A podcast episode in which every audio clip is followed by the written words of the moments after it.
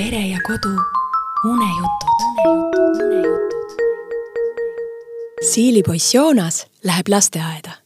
Meidi metsaroos. väike siilipoiss Joonas oli saanud juba nii suureks, et pidi ühel suvelõpupäeval hakkama lasteaias käima. mis asi see lasteaed on, miks ma sinna minema pean? küsis Joonas oma ema käest. ema võttis siilipoisi endale kaisu ja selgitas. ma pean hakkama talvevarusid korjama pääsukesed rääkisid, et tulemas on pikk ja külm talv. Me peame enne talveunne jäämist korralikult kõhud täis sööma, et kevadeni vastu pidada. ma ei saa kahjuks sind endaga kaasa võtta. lasteaias käib palju erinevaid loomalapsi ja sa saad seal kindlasti toredaid sõpru. siilipoiss Joonas ärkas järgmisel hommikul suure tuhinaga. ma lähen esimest korda lasteaeda, ütles Joonas kõva häälega. jaa, ütles ema tuppa astudes. teeme nüüd kiiresti. me ei taha ju esimesel päeval kohe hilineda Joonas sõi pudru ära pesi hambad puhtaks ja pani seljakotti veel oma lemmiku kaisuka julgestuseks kaasa. lasteaias kallistas ema Joonast. sa saad suurepäraselt hakkama, kallikene. kuula lihtsalt, mida sul palutakse teha ja varsti tulen ma sulle järele. Joonas nägi oma ema põõsaste vahele kadumas, kui järsku keegi kõnetas teda. tule meiega mängima, Joonas, ütles pisike jänku Julia.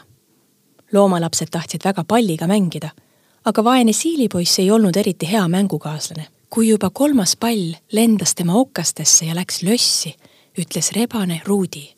sinuga ei saa üldse mängida. ma ei taha sind enda mängu. siilipoiss tundis end halvasti ja isegi üks pisar hakkas mööda põske alla libisema.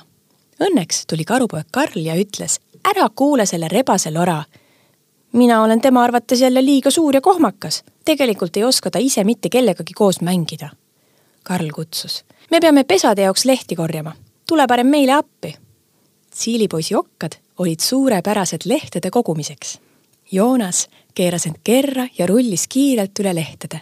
lehed jäid kõik tema külge kinni. Joonasel oli väga lõbus lehtedes mürada.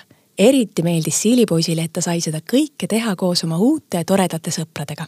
äkki kuulis siilipoiss Joonast tuttavat häält. emme, hõikas ülimalt õnnelik siilipoiss ja jooksis kohe oma ema kallistama kodus mängis Joonas veel pikalt, kuni tuli jälle kerra tõmmata ning magama jääda. Joonas, kuidas sulle lasteaias meeldis? küsis ema väikese siilipoisi käest enne uinumist. Joonas haigutas suurelt ja ütles õigeuniselt. alguses ei läinud seal kõik nii, nagu ma arvasin. pärast oli aga kõik täpselt nii lõbus, nagu sa ütlesid. tahan homme jälle lasteaeda minna.